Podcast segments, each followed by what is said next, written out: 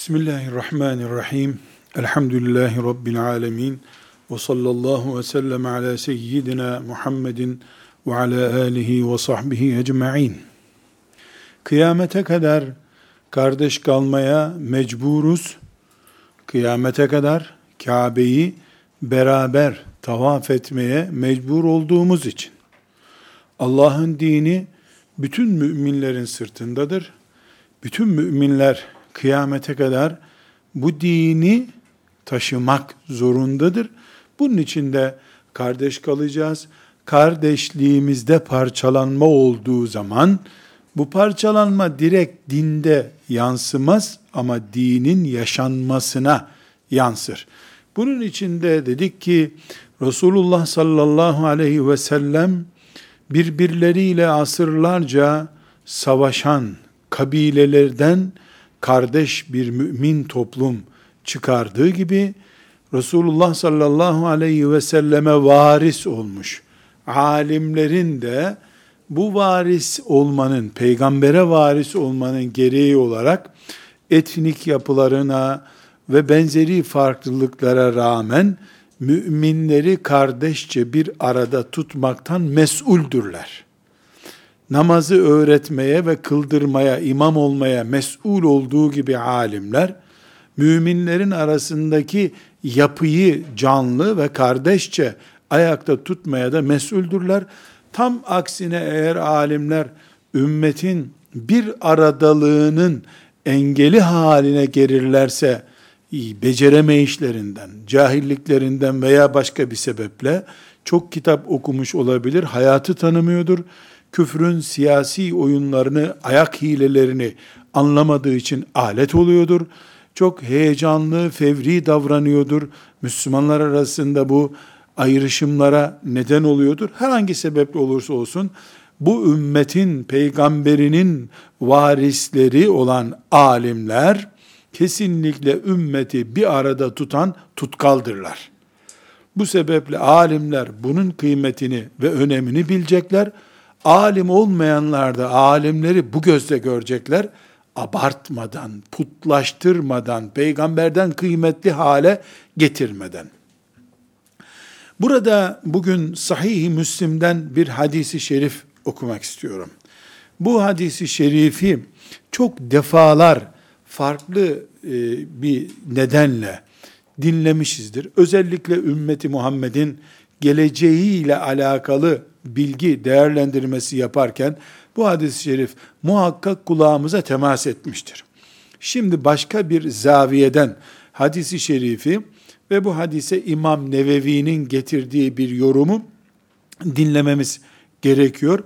Hem ufkumuz açılması bakımından hem de alimlerin artık bazı şeyleri anlaması gerektiği bakımından.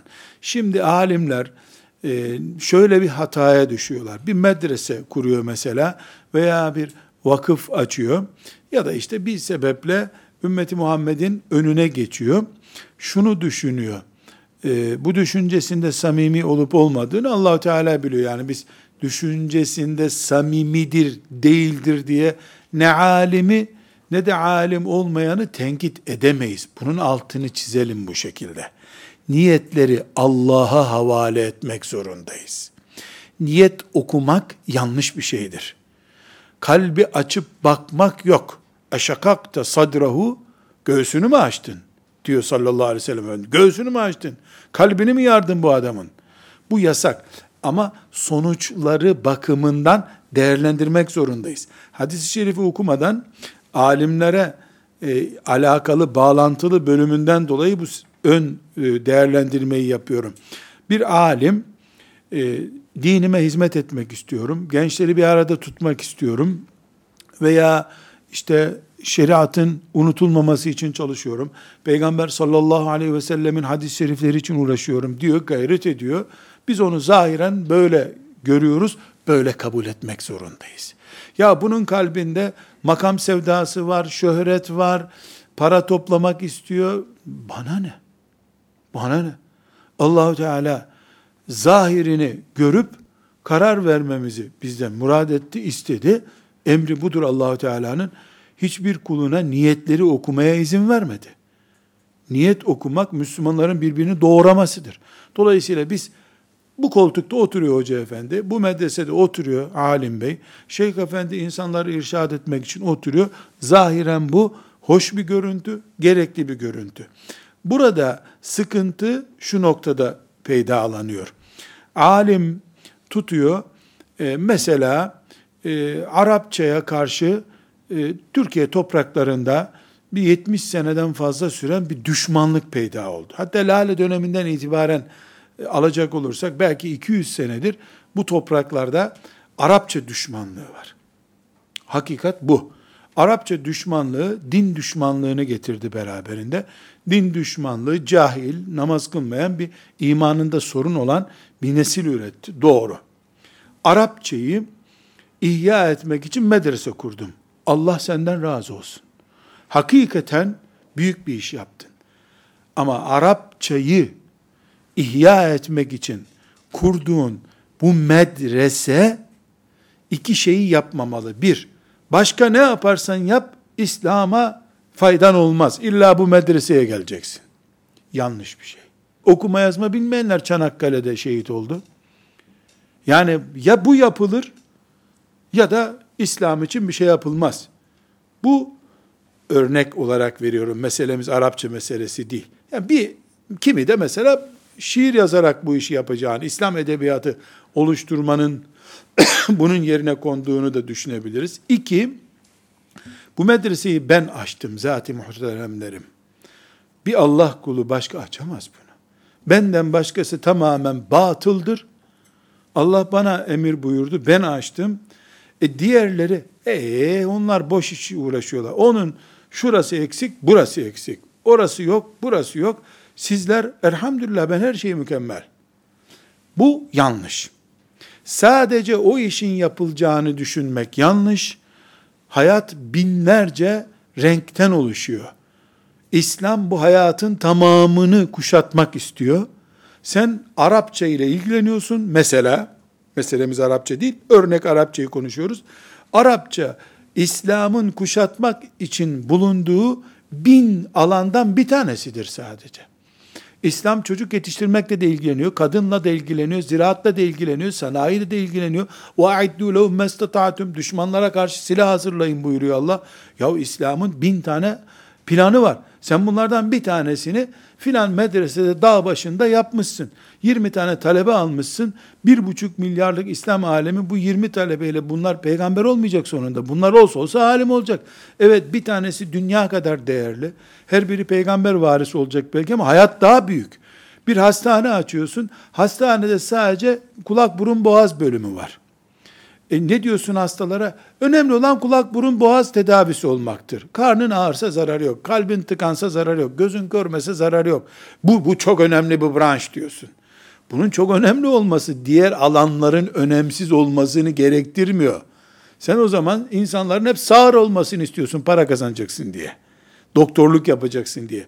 Bunun gibi bir sıkıntı alimlere bulaştığı zaman ne oluyor? Bunun da reklamını direkt ve dolaylı yapınca ümmeti Muhammed'in bütün enerjisi tek bir alana yatırılmış oluyor. Arapça köreltildi, Arapça söndürüldü, Kur'an söndürüldü. Dolayısıyla bütün ümmetin enerjisi Arapça medreselerine yığıldığını kabul ediyoruz. Öbür taraftan siyaset başkalarının elinde kalmış. Ziraate zaten girememişsin. Ticaret Yahudinin elinde kalmış. Sen istediğin kadar Arapça öğren. Arapça bu sefer senin elinde sorun haline dönüşüyor. Çok Arapça bildiğin için siyaseti düzeltemiyorsun sen. Hayatın tamamını kuşatmak için gelmiş bir dini bir alana daraltma sonucunu götürüyorsun. Halbuki doğrusu olan nedir?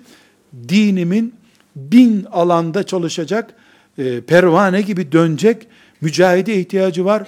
Bunlardan biri Arapça okuyacak, okutacak alimdir. Öbürü fıkıh okuyacak, okutacak alimdir. Öbürü siyasetle uğraşacaktır. Öbürü e, dünya kültürüyle uğraşacaktır. Öbürü İngilizce veya yabancı dil öğrenecektir. Öbürü e, turizme el atacaktır. İslam hayat dini. Güneşin aydınlattığı her yerde İslam bulunması gerekiyor. Bir apartmanda, bir dairenin içerisinde Arapça okuyarak İslam gelmiyor. Ama Arapça İslam'ın bir parçası mı? Yüzde yüz bir parçası. Kaliteli ve önemli bir parça mı? Olmazsa olmaz parçası. Kalp gibi. Ama tek başına kalp hayat demek değil. Beyne ihtiyacı var. Ciğere ihtiyacı var. Tırnağa ihtiyacı var. Bir kalp kaç para eder insan sağlığı açısından ya da kaç puan eder diyelim. Bir tırnak kaç puan eder? Tırnak hiç değerinde ama tırnağı olmayan insanda olmuyor, işe yaramıyor gibi düşünüyoruz. Şimdi bu girişten sonra hadisi şerifi okuyalım. Nevevi bakın bu hadise ne diyor onu bir görelim. Böylece bir alim ümmeti Muhammed'i bölmeye nasıl sebep olabiliyor hizmet ederken? Niyetini gene Allah'a bıraktık. Bunu kaçıncı defa tekrar etmek zorundayım. Niyetini Allah'a bırakıyoruz. Hayır mı murad etti? Şer mi murad etti? İhlaslı mıdır, değil midir? Bunu Allah'a bıraktık. Ama zahiren İslam'ın tek bir köşeden tutulmasının diğer köşelerinin de yok kabul edilmesi bakımından. Mesela bu medreseye gelmeyenler dalalettedirler. E, öbür medresede fıkıh okuyorlar. Ne yapacaksın fıkıh? Arapça lazım. Diyor mesela. Yahut da e, filan yerde bu sanayi tesisi kuruyor. Yok canım o lazım değil medrese kursun. Der mi bir Müslüman alim? Ya demez ama varsayalım derse ne sonuç çıkar türünden söylemiş olalım biz bunu. Efendimiz sallallahu aleyhi ve sellem ne buyuruyor? La tezalu taifetun min ümmeti zahirine alel hak la yadurruhum men hazelehum hatta ye'ti emrullahi ve hum kezalik. Durum dünyada durum ne olursa olsun bu hadis Müslim'in hadisi olarak bir müjde hadisidir. Bir strateji ifade eden hadistir. Ne buyuruyor Efendimiz sallallahu aleyhi ve sellem? Ümmetimden bir grup güçlü bir şekilde Allah'ın dinini yaşatmaya devam edeceklerdir.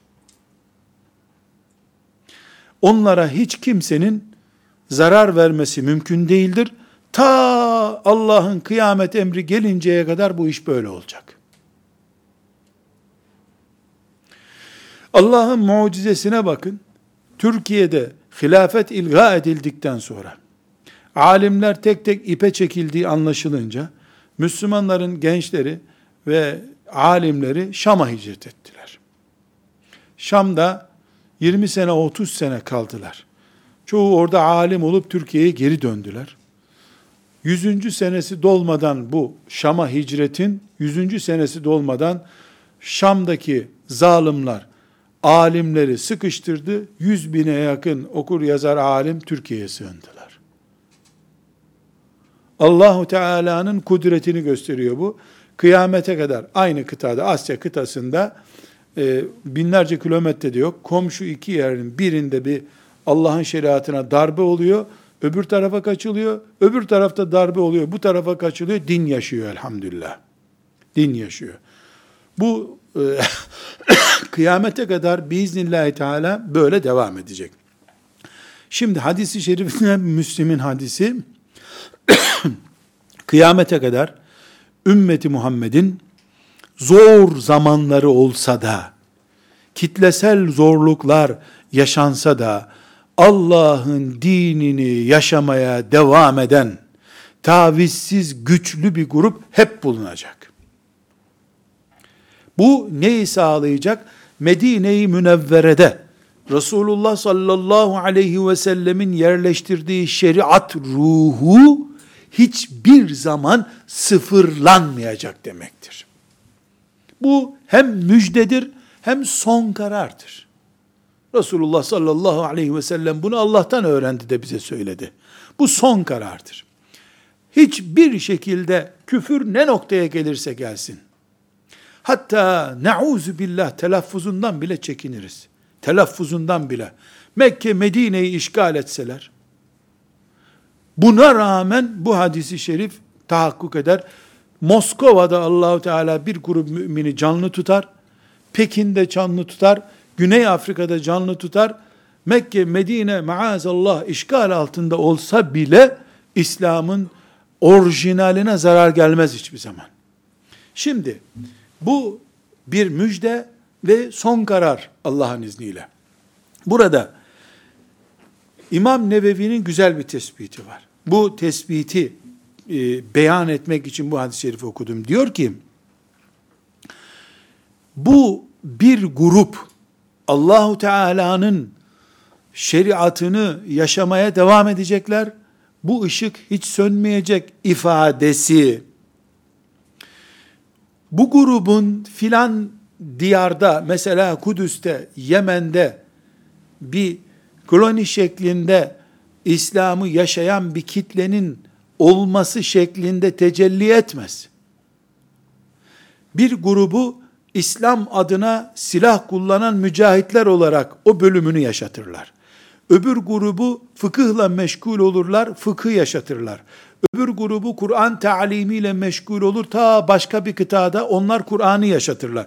Başka bir grubu da İslam adına propaganda yapan, emri bil maruf, nehyanil mülker yapan çalışmalar yaparlar. Onlar da İslam'ın toplumsal büyüşünü sağlarlar. Başka birileri de topladıkları malı hayır yoluyla kullanırlar. Müminlerin zillete düşmesini engellerler. Allahu Teala Medine-i Münevvere'de Peygamber sallallahu aleyhi ve selleme bir kitle olarak yaptırdığı şeyler dünyanın farklı bölgelerine dağılmış gruplar tarafından da olsa yaşanır bu.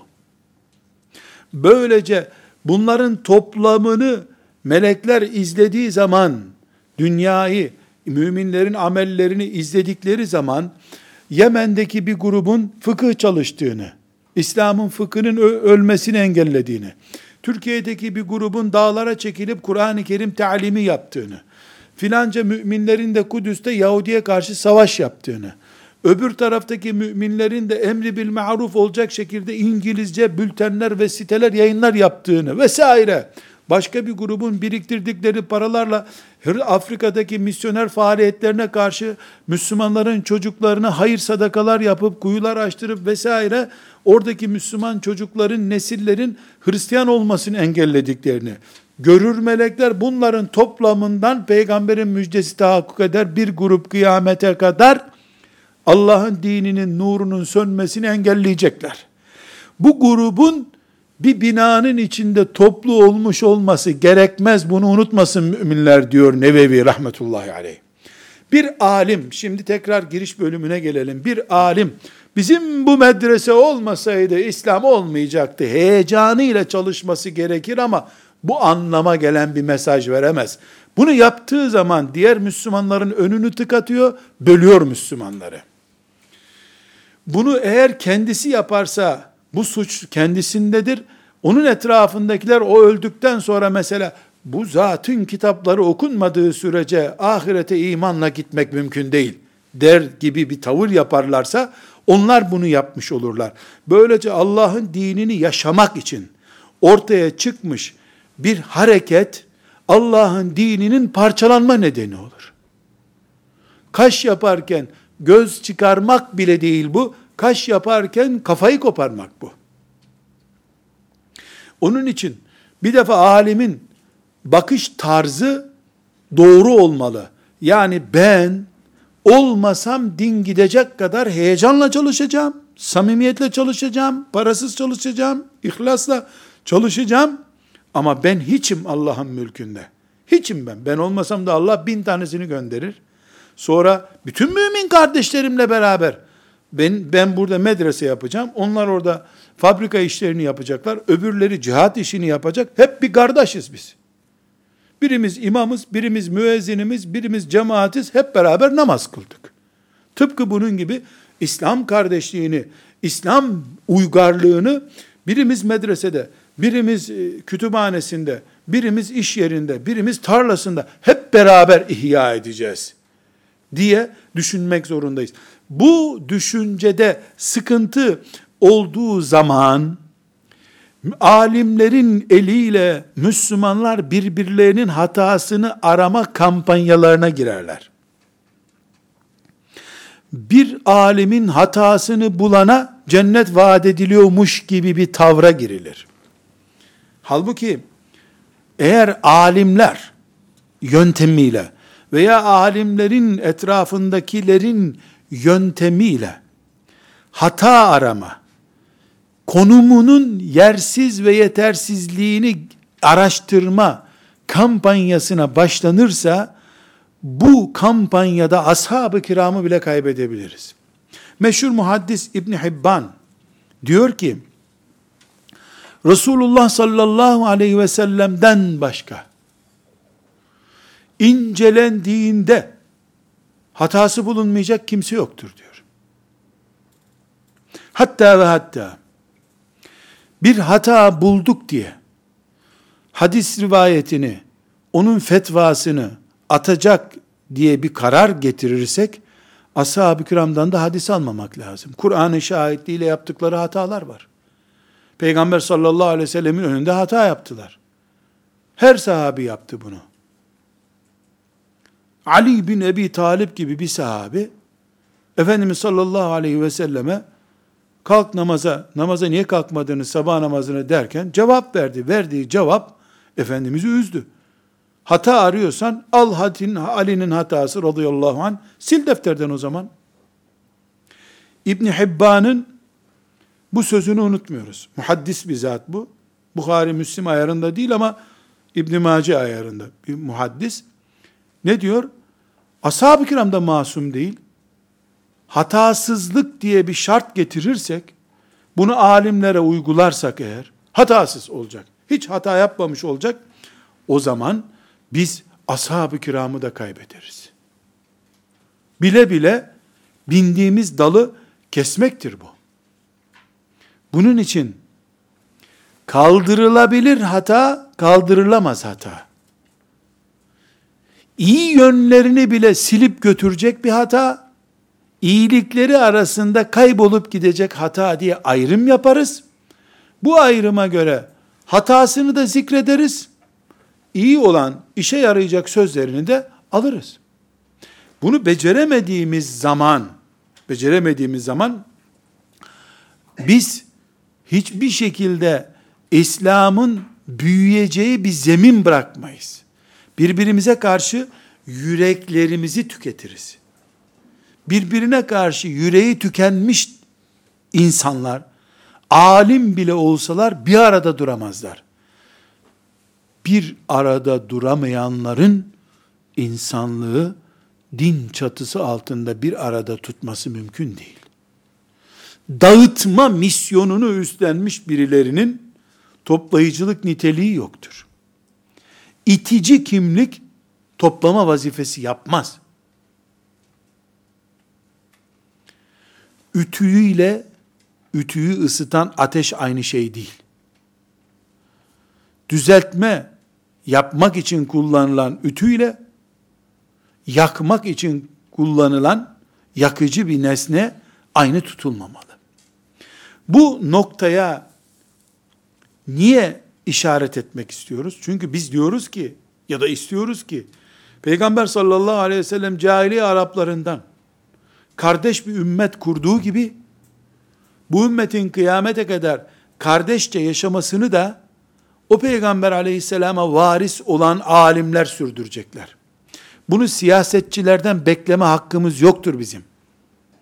Çünkü siyasetçi şu veya bu bin bir engelle karşılaşmış insandır. Mesela Sultan Abdülhamid'den de bunu beklememiz zordu. Sultan Fatih'ten de yüzde yüz bunu bekleyemeyiz. Sultan Fatih'in etrafında da büyük dervişleri, büyük uleması, meşayihi vardı da bunu becerdi. Çünkü Sultan Fatih dediğin İstanbul'daki yerlisi, İstanbul'un yerlisi Hristiyanlara da hükmediyor. Hristiyanların arasındaki kavgaya da hükmetmesi gerekiyor. Bunu becermek zorunda ümmet. Burada bir noktaya işaret ediyorum. Alim olmazsam ben din olmayacak kadar büyük bir boşluk dolduruyorum. İnanmalı. Yoksa heyecanı olmaz. Ama onun pratiği bunu yansıtmamalı. Ben neyim ki Allah'ın dinine hizmette? Az bile yapıyorum demeli ve asla kendisi dışındakileri dışlayıcı bir niteliği olmamalıdır. Bu alimlerin kendi aralarında fikir farklılığı olmaması manasına mı geliyor? Asla. Ashab-ı kiram da farklı farklı düşünce sahibiydiler. Kıbleyi sarsmamalı, birbirimizin namazını yok saymamalı, birbirimizin iffet ve canına dokunmamalıyız. Alimler için söylüyorum. Eğer alimler olarak tartışmanın en ağırını yapıp sonra da oturup beraber çay içebilirsek bu bir fazilettir. İlim namına yaptığımız bir münakaşadan sonra alimler olarak alimler yaptıktan sonra böyle bir münakaşayı daha sahih bir ifadeyle alimler böyle bir ifade tartışmayı yaptıktan sonra etrafında onları sevenlere haydi toplayın silahlarınızı bu haini benim fikirlerime muarız olan bu haini kaldıralım dünyadan derlerse ümmeti parçalama budur. Yunus As-Sadfi denen bir zat var. İmam Şafii'nin arkadaşlarından. Diyor ki İmam Şafii ile bir gün bir tartışma yaptık diyor. O kadar ki artık birbirimize gireceğiz gibi oldu diyor. Yani tamam yumruklaşacak hale gelmişler. Kim bilir hangi ayeti, hangi hadisi tartışıyorlar. Mesele yalnız para meselesi değil. Adaylık meselesi filan değil. Yani alimler kooperatifine üyelik meselesi değil. Bir ayetin anlamı şu mudur, şu muduru tartışıyorlar. Bir şiddetli tartıştık. O da kalktı, ben de kalktım.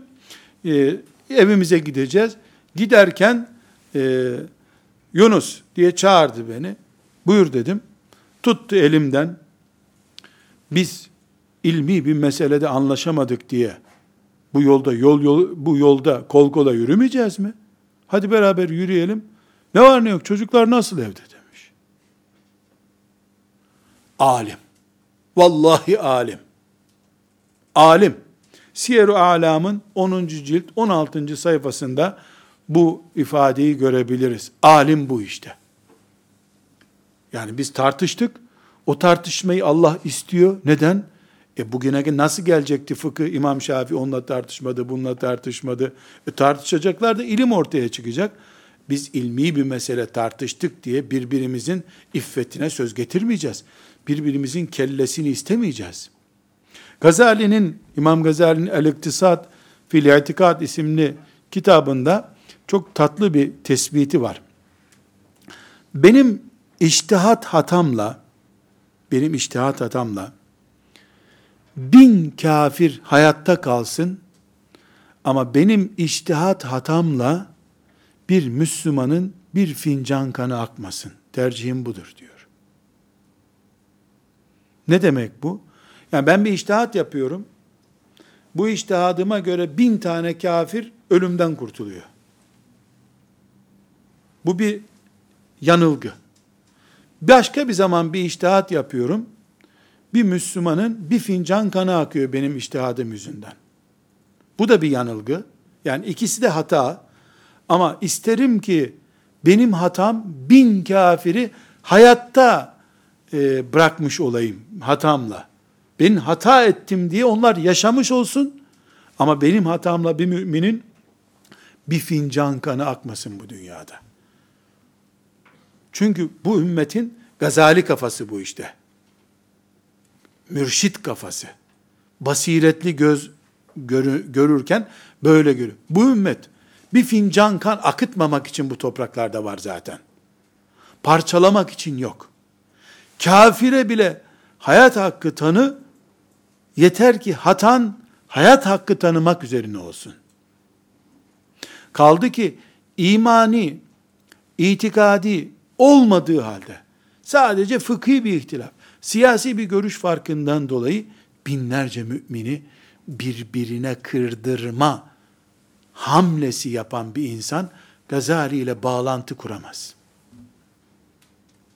Gazali bin kafir sokaklarda hür dolaşsın ben hata etmiş olayım zararı yok diyor.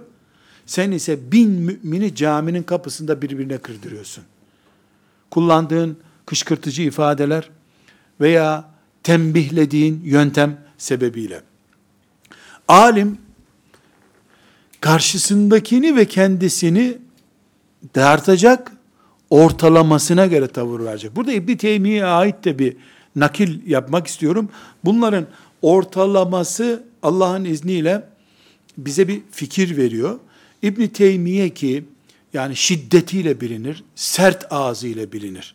Hatta e, Araplarda şöyle bir söz var. Derler ki Haccacı zalimin kılıcından, İbn Teymiye'nin de dilinden kurtulduysan cennetlik adamsın. Daha ne istiyorsun derler yani. Haccacı zalimin kılıcı gibi dili var adamın.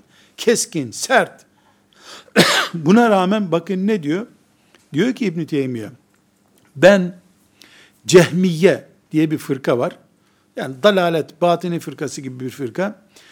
Ee, diyor ki, ben size kafir demiyorum. Niye kafir demiyorum? Çünkü siz kafirliğin ne olduğunu dahi bilmiyorsunuz. Cahilsiniz. Ama ben size uysam kafir olurum diyor. Çünkü ben hakkı ve batılı bildiğime inanıyorum. Cümleye dikkat ediniz. Size uysam ben kafirim ama siz kafir değilsiniz diyor. Çünkü siz kafirliğin ne olduğunu anlayamayacak cahillersiniz be cehmiye adamlar. Ama ben sizin itikadınızın ne kadar berbat bir şey olduğunu bildiğim halde siz doğru söylüyorsunuz dersem ben kafir olurum o zaman. İyisi mi ben sizin hakkınızdaki kanaati içimde saklayayım.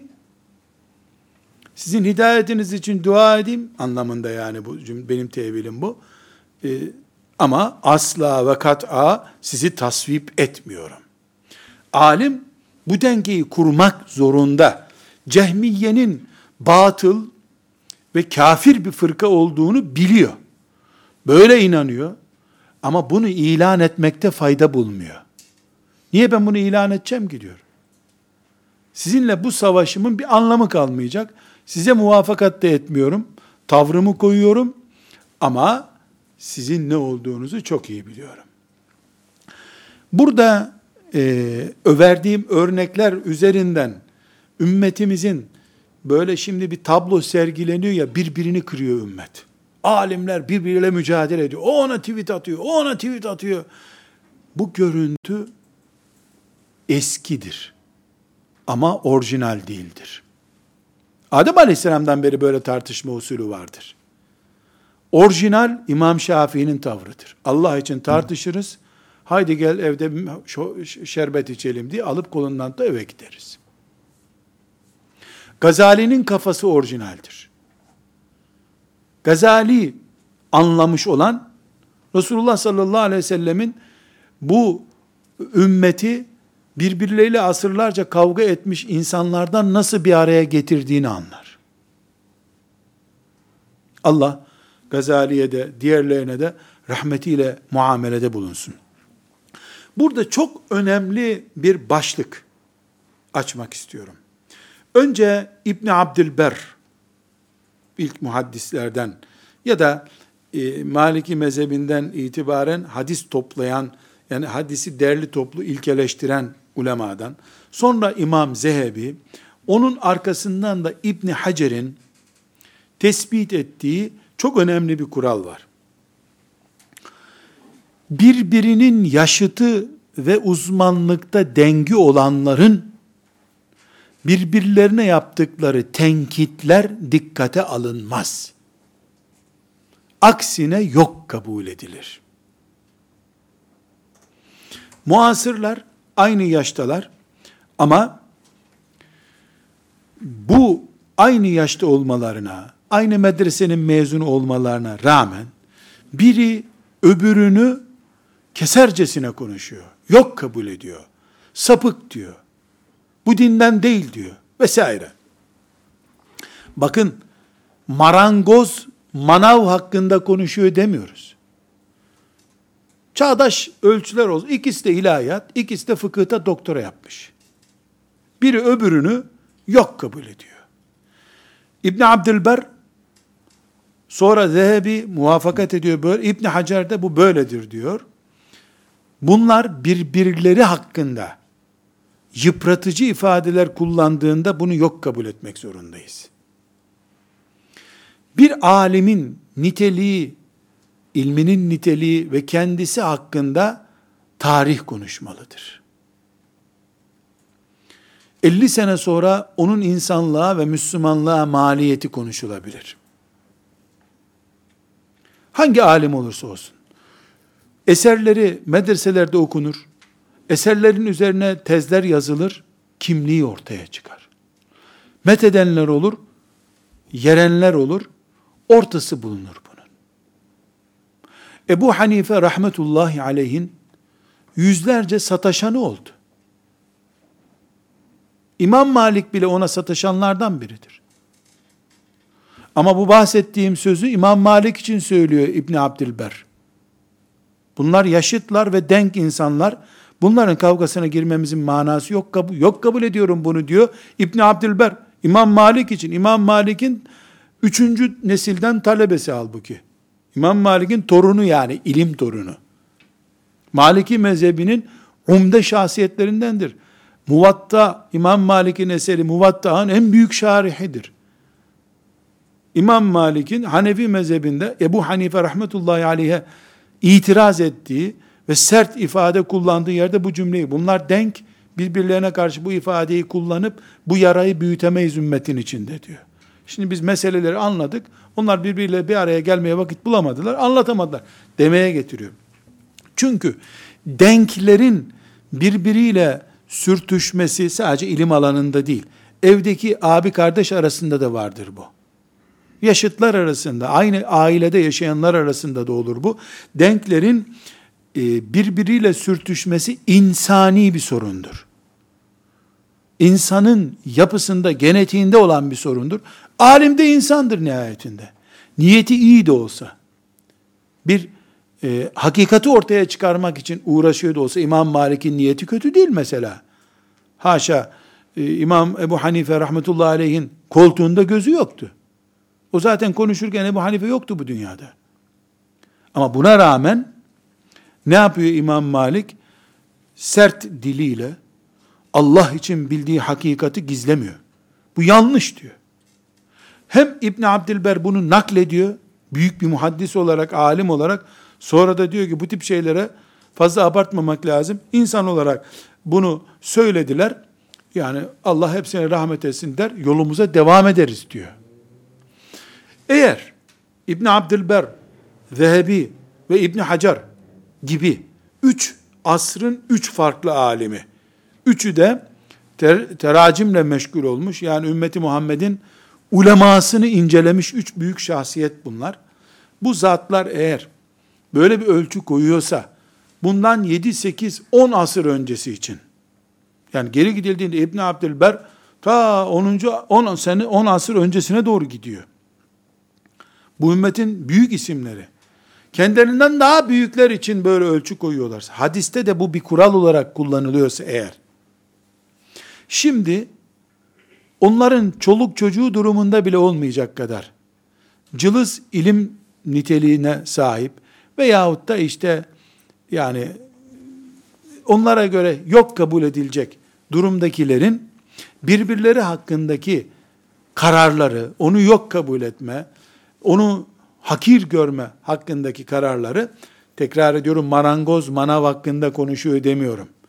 İki, aynı alanda, aynı kulvarda yarışan insandan söz ediyorum. Birbirleri hakkındaki ithamlarını ümmeti Muhammed gündem yaparsa sapar. Söylemek istediğimiz budur. Mevcut enerjisini boşa harcamış olur ümmet. Müstakbele ait yatırımlarını mevcut kısır yörüngeli bir kavgada heba eder gider ümmeti Muhammed. Halbuki bu ümmetin kıyamete kadar kardeş kalmasına yönelik ihtiyacımız olan enerji asla bu asırda tüketilmemeli. Çünkü gelecek asır çok daha büyük sorunlara gebe. Gelecek asırda çok daha büyük dertler bu ümmeti bekliyor. O kadar büyük dertler bu ümmeti nefes nefese beklerken Şimdi kalkıp da ümmet bugünden erzağını tüketirse yarın ne yiyecek bu nesiller? Bunu düşünemeyen alim olarak anılmamalı zaten. Hayatı kendi yaşadığı günden itibar ibaret düşünen veya kendi ekolünden ibaret düşünen birisi aklı başında değildir ya. Benden sonra tufan olsun diye beddua eder mi insan? Bu bir tür ben yaşayayım, benim talebelerim de, benim sevenlerim de yaşasın. Benden sonra tufan da olsa zarar yok demeye geliyor. Bunu asla kabul edemeyiz. Tıpkı Zehebi'nin dediği gibi birbirleri hakkında konuşan denk alimlerin sözlerini söylenmemiş kabul ederiz diyor rahmetullahi aleyh. Söylenmemiş kabul ediyoruz. En nazik bir şekilde yapılmış bir tenkittir aslında. Bunu niye söylüyorsunuz da demiş oluyor. Ama Zehebi burada enteresan bir örnek veriyor. E, kendisinin Sekavi ondan naklediyor. Ondan sonra gelen ulemadan. E, oğlu var. Zehebi yani tanıtmaktan hayal ediyorum. Zehebi tanımayan insan ne anlıyor bu dünyada bilmiyorum. Zehebi mezhepler üstü bir isim hadis konusunda. İslam tarihi konusunda, İslam alimleri tanıtımı konusunda olağanüstü bir isim. Allah rahmet eylesin. Ee, oğlu Ebu Hureyre imiş adı. Çocuğuna Ebu Hureyre vermiş. Buradan da kafasında nasıl bir çocuk yetiştirmeye dair bir proje adamı olduğu ortaya çıkıyor. Sehavi diyor ki, e, oğluna Ebu Hureyre ismini verdi. Ona güzel Kur'an-ı Kerim ezberletmiş, hafızlıkla başlatmış. Sonra e, çocuk tam işte Bukhari ezberleyecek filan derken biraz tembelliğe vermiş. E, onu anlatırken Zehebi rahmetullahi aleyh Kur'an ezberi iyiydi. Kur'an'ı unuttu, bitti demiş. Şimdi burada ne yapıyor? Oğlu hakkında bir karar kullanıyor.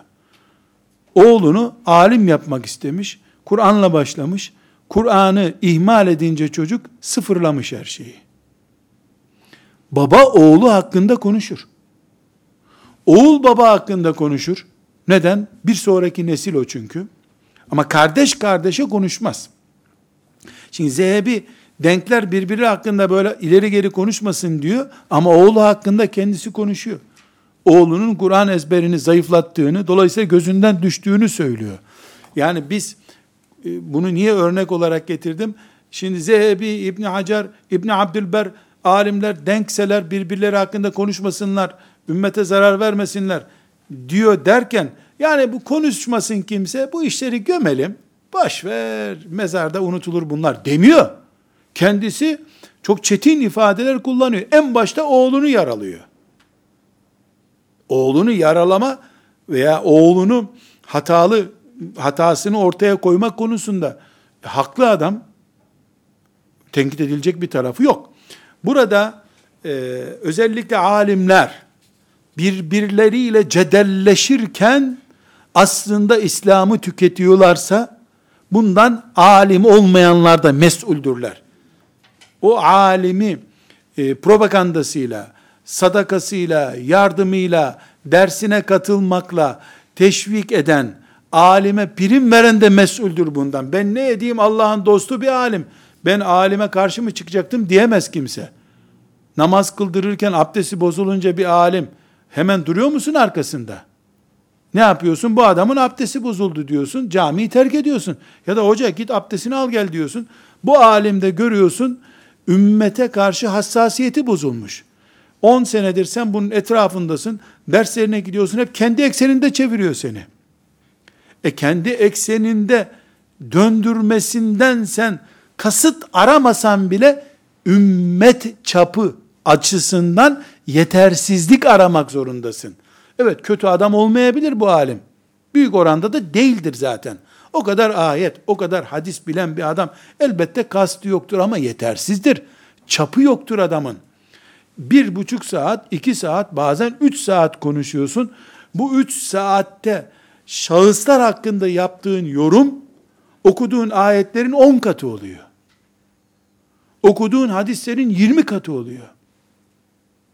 Sen demek ki bizim enerjimizi kendi iç sürtüşmelerinle tüketecek bir hatanın içerisindesin. Kastı tekrar ediyoruz. Kastı asla e, gündeme getiremeyiz. Yani casus bu. Bunu kafirler aramıza koymuştur. Diyemeyiz. Öyle olduğu belgelenirse ayrı bir mesele ama bunu biz özellikle araştırıp, karıştırıp yani bunu keşfetmenin bir sevap olduğunu zannedemeyiz. Çünkü ümmetin alim kaybetmeye takati yoktur. Her alim bir yıldızdır. Her yıldız söndüğünde gök biraz daha karanlık kalır. Hadis-i şerif ne diyor? Alimin ölümü alemin çökmesi gibidir. Bir alem çöküyor bir alimle diye düşünmek zorundayız. Peki alimler bu açıdan e, fetvalarıyla, yönlendirmeleriyle, e, medrese, siyaset veya vakıf gibi oluşumlarıyla hata yaptıklarını anladığımızda, bariz bir şekilde görüldüğünde, bir düşmanlık tohumu ektiği gözleriyle gör, görülüyor. Ee, bir nefret oluşuyor. Onun iki hafta, üç ay dersine giden şucu bucu demeye başlıyor. E, onun dersini iki ay izleyen babasıyla aynı sofraya oturmuyor. Bu kafir diyor. Namaz kılıyor babası. O da namaz kılıyor. Ben senin aynı safta namaz kılmam diyor. Niye sen kafirsin diyor. Nereden anladın bunu? E, Hoca efendinin derslerinden anladı. Bu alim ayrıştırıyor. Zehirleme yapıyor. İman soframıza zehir katıyor. Bu tip e, durumlarda müminler olarak biz miting mi yapacağız? Yani belki miting de yaparız. Bir sakıncası yok ama ilk etapta dikkat edeceğimiz şeyler birincisi bu alime isnat edilen bilgiler doğru mu değil mi ona bakacağız. Yani dediler ki bu adam diyormuş. Böyle bir bilgi olmaz. Fetebeyyenu allah Teala emrediyor. Araştırın, inceleyin. Böyle gelişi güzel e, bir itham asla yapamayız. Adamın hakkı bu, kul hakkı, kıyamet var bu işte. Biz güya bir alim üzerinden düzeltme yapacaktık, e, hepten batırdık olur. İki, doğru olduğu anlaşıldıktan sonra bile bir ümmete mal olmuş alimin hatası veya hataları ümmetin kendi iç çevresinde ıslah edilmelidir. Şimdiki çağdaş deyimlerle kamuya mal edilmemelidir. Kamuya mal edilmemelidir. Yani basın önünde, çağdaş ifade edecek, sosyal medya alanında, alimin hatasını düzeltmek şeytanın işine gelir. O alim çıkıp dese ki, sosyal medyada bir sürü tweet atılmış, benim filanca sözüm, hakikaten ben de bu gece oturdum, Rabbim affetsin, gerçekten hataymış, şahit olun kardeşler, ben bu hatadan tövbe ettim, istiğfar ettim, kim bunu da bana e, bildirdiyse Allah ondan razı olsun. Ya ne kadar güzel bir tavır bu. Bu bile kötülük namına bir yatırımdır. O hata toprağa tohum olarak düşmüştür o gün. Günün birinde samimi bir düşünce olarak çıkacaktır o. Çünkü la yuhibbullahul cehra. Allah kötülüklerin konuşulmasından razı olmuyor. Prensip budur. Mümkün olduğu kadar mesela alimler arasında bir ortamda bu islaha çalışılmalıdır. Mesela bu onun aile çevresi içerisinde. Mesela filan vakıftan oluşturulmuş üç kişilik bir ekiple bu düzeltilmeye çalışılmalıdır. Kamuya mal olduktan sonra kamu da bunu bir daha düzeltemez. Bunun en bariz örnekleri ta ashab-ı kirama kadar yanaşan olaylarda vardır. Biri çıkıp bir söz söylüyor. Ömer bunu duymadan tövbe et çabuk diyorlar. Çabuk Ömer duymadan bunu tövbe et. Adam tövbe ediyor. Tarih kitaplarına geçmiş. Bugün ideoloji olarak karşımıza çıkıyor aynı şey. Aptal mısın bunu nasıl söyledin diyorsun. İdeoloji oluyor bugün. İmam Gazali'nin mezara gömdüğü batıniye ekolünün düşünceleri bugün fakültelerde tez olarak konuşuluyor. Ağaç dikersen erozyona karşı namaz gibi ibadet yapmış olursun sözü bundan 950 sene önce Bağdat'ta söyleniyordu. Şam'da söyleniyordu Batıniye ekolü tarafından. Şimdi medyalarda söyleniyor. Dolayısıyla batılın yayılması çok tehlikeli. Üçüncü nokta, biz bir alemin Allah'ı inkar, melekleri inkar gibi, kaderi inkar gibi temel din esaslarını sarsması durumunda o zaten bizden değil. Onu yok saydık gitti hayatta. Bunun dışındaki ameli hataları, yanlış düşünceleri alimin herhangi bir şekilde defterimizden silinmesini gerektirmez. İyi taraflarını almaya devam ederiz. İhtiyacımız varsa. Başka bir alim daha iyisini veriyorsa ondan da alırız. Biz alimleri ümmete bal üreten arılar gibi görürüz. Boş duran arı olursa o arı zaten bal yapmıyor. Yaptığı bal zehirliyorsa onu da yemeyiz. Eskiden ballar zehirlerdi. Şimdi ilaç milaç sıkıyorlar. Bal zehirlemiyor. Bazıları da eşek arısı oluyor hep sokuyorlar. Ona da maske kullanacaksın. Dikkat edeceksin. Yani bazıları da eşek arısı da olur. Eşek arısı diye bir şey var. Bol bol insan öldürür. Yani insan zehirler. Her halükarda biz alimlerin herhangi bir şekilde kamuya mal edilerek, teşhir edilerek hatalarının düzeltilmesini İslam'ın temel hata düzeltme mantığına aykırı buluyoruz. Burada e, bir dördüncü vazifemiz alimlere karşı e, alimin yanlış yaptığı şeyi tespit ettik. Bunu yaymadık. Bizim asıl vazifemiz onun yanlışının karşısına doğrumuzu ikame etmektir. Diyor ki, diyor ki, çoraba mesedilir. Bu yanlış olduğunu düşünüyoruz biz. Bir kamyon çorabı alıp İstanbul'un meydanlarında yakarak buna mesedenleri de bir gün böyle yakacağız demek İslami bir usul değil. Ne yaparım peki? Ayağı yıkamanın nasıl Kur'an'ın emri olduğunu, Peygamber aleyhisselamın sünneti olduğunu her yerde anlatırım. Yanlış gördüğüm şeyin karşısına doğrumu dikerim, kavgamı değil. Bunun ikisi arasında ne fark var? Birinde ben ortaya çıkacağım, öbüründe doğru ortaya çıkacak. Bizim gayemiz de doğruyu ortaya çıkarmaktır. Çorabı sadece bir örnek olarak verdim. İki isim arasındaki bir örnekleme yapacağım bugün son olarak. Hepimizin çok iyi bildiği İbn Hazm diye bir alim var. Endelüslü bir alim bu. Dört mezhebin dördünü de karşısına almış. Kendinden önce Davud-u Zahiri denen birisinin peşinden gidiyor. İbn Hazm Zahiriye mezhebinin yani e, ashab-ı kiramın e, sonrasında kendinden başka kimseyi alim kabul etmeme gibi bir bilinir. Aslı şudur. Elimizde Kur'an var, elimizde sünnet var, ashab-ı kiramın icmaı var. Bu üç şey Müslümanlığı yaşamak için yeter. Filan alim şunu şuna benzetti, bunu buna benzetti diyerek kıyasla uğraşmayalım. Orijinal kaynağımız üçtür diyor. Kur'an, sünnet, icma. Bu üçünü koruyalım. Bize Müslümanlık için yeter. Temel mezhebi budur. Şimdi bu böyle olunca bu mesela 10 ciltlik bir fıkıh kitabının 9 cildi buna göre boş. O 9 cildin yerine kendisinin 10 ciltlik fıkıh kitabı var ama. Kendi kafasına göre yeni bir mantık kuruyor. Ebu Hanife buna niye kıyas yaptı diyor. Kendi kıyasını koyuyor. Bu böyledir diyor. Aklınca da hadisle örnek getiriyor. Getirirken o hadisi kıyas yaparak getiriyor tabi. Şimdi bu e, karşısına dört mezhebi hatta kendi o dört mezhepten önceki yani bir sürü Sevri'nin mezhebi vesaire kaybolmuş mezhepler hepsini karşısına alıyor.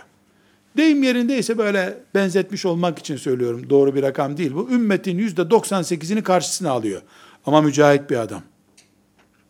Doktora tezi yazmak için değil bu yaptığı. Aklı böyle yatıyor. Zeka, deha bir adam. Deha bir adam.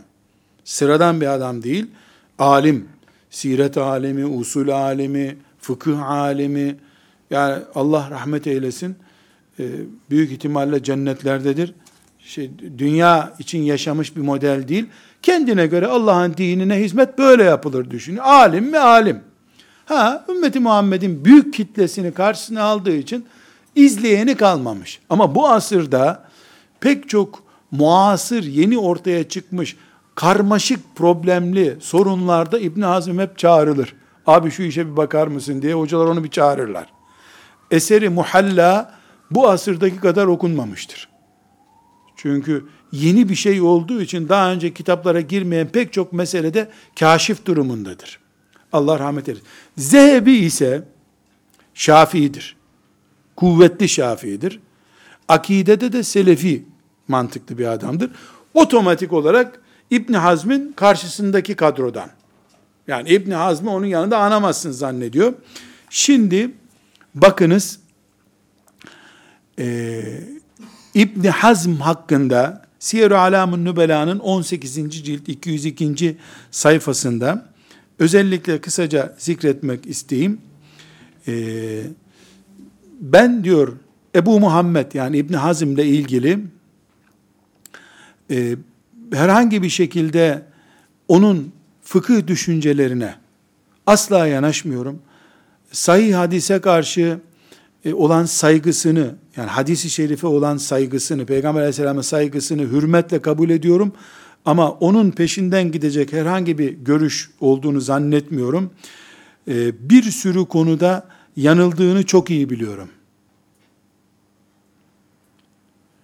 Zeki olduğunu da kabul ediyorum. Geniş göğüslü olduğunu da kabul ediyorum. Yani ufku büyük bir adam. Buna da bir itirazım yok. Bütün bunlara rağmen ona kafir de demem, sapık da demem, peşinden de gitmem diyor. Tarif ettiği ilimde kendinden büyük bir adam. Bir mezhep imamı bu çünkü. Öyle böyle bir mezhep imamı. Zehebi ise İbn Teymiye'nin talebesidir. Alim bir adam, büyük bir alim. O ondan İbn Hazm ondan daha bir puan yukarıda duruyor konumları itibariyle. Fıkıh dünyasındaki ağırlıkları itibariyle. İbn Hazm zahiri ekolünün iki numarasıdır. Zehebi Şafii mezhebin 200.sü bile değildir. Bir numaralı fukaha listesinde değil. Ama ne diyor? Sapık demem, kafir demem, peşinden gitmem. Peygambere saygısına hayranım, zekasına hayranım, ufkuna hayranım, o kadar diyor. İnsanlık bu, Müslümanlık bu, örnekte bu. Velhamdülillahi Rabbil Alemin.